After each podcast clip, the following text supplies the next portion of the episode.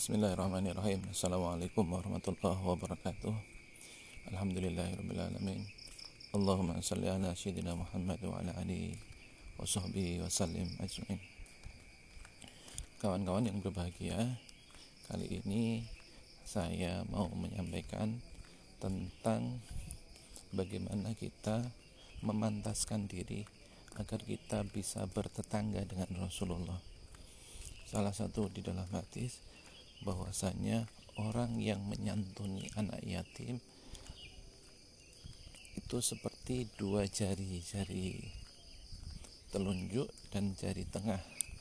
Artinya insya Allah orang yang betul-betul fokus memberikan nafkah memberikan kebutuhan-kebutuhan anak yatim maka Allah menjanjikan pasti akan ketemu dengan Rasulullah dan bertetangga dengan Rasulullah maka kalau kita ingin dipantaskan bertetangga dengan Rasulullah, mari kita cari anak-anak yatim, terus kemudian kita nafkahi mereka.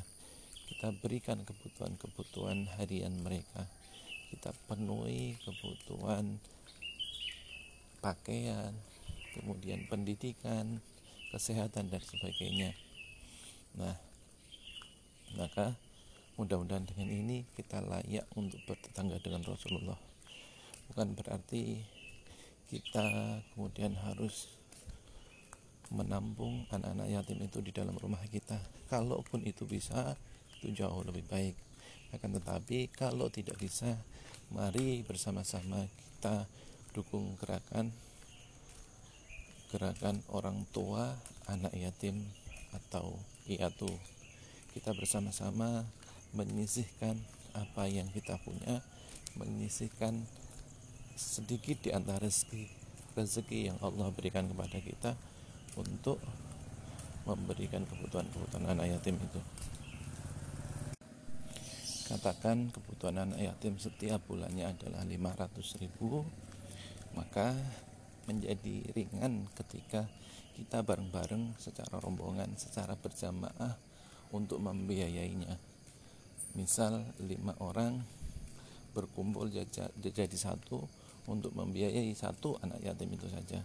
Maka setiap orang setiap bulannya hanya mengeluarkan 100 ribu untuk membiayai satu anak yatim. Kalau ada 100 orang maka ada 20 anak yatim yang kita bisa biayai. Gitu prinsipnya dan jangan sampai kemudian kita melihat anak yatim ada di sekitar kita kondisinya perlu apa bantuan perlu uluran tangan tapi kita diam saja. Dan di dalam Al-Quran itu Allah memberikan teguran yang keras bahwasanya orang-orang yang me menelantarkan anak yatim yang tidak memperhatikan orang miskin adalah pendusta-pendusta agama. Jangan sampai kita seperti itu.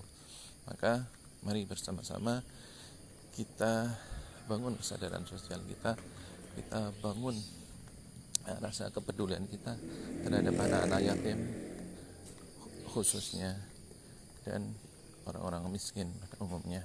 Tapi utamanya dalam program ini dalam program gerakan orang tua anak yatim dan piatu. Mari kita fokus untuk memberikan kesejahteraan bagi anak-anak yatim. Semoga Allah meridhai Allah memantaskan kita untuk bertetangga dengan Rasulullah SAW di surganya nanti. Amin ya rabbal alamin. Assalamualaikum warahmatullahi wabarakatuh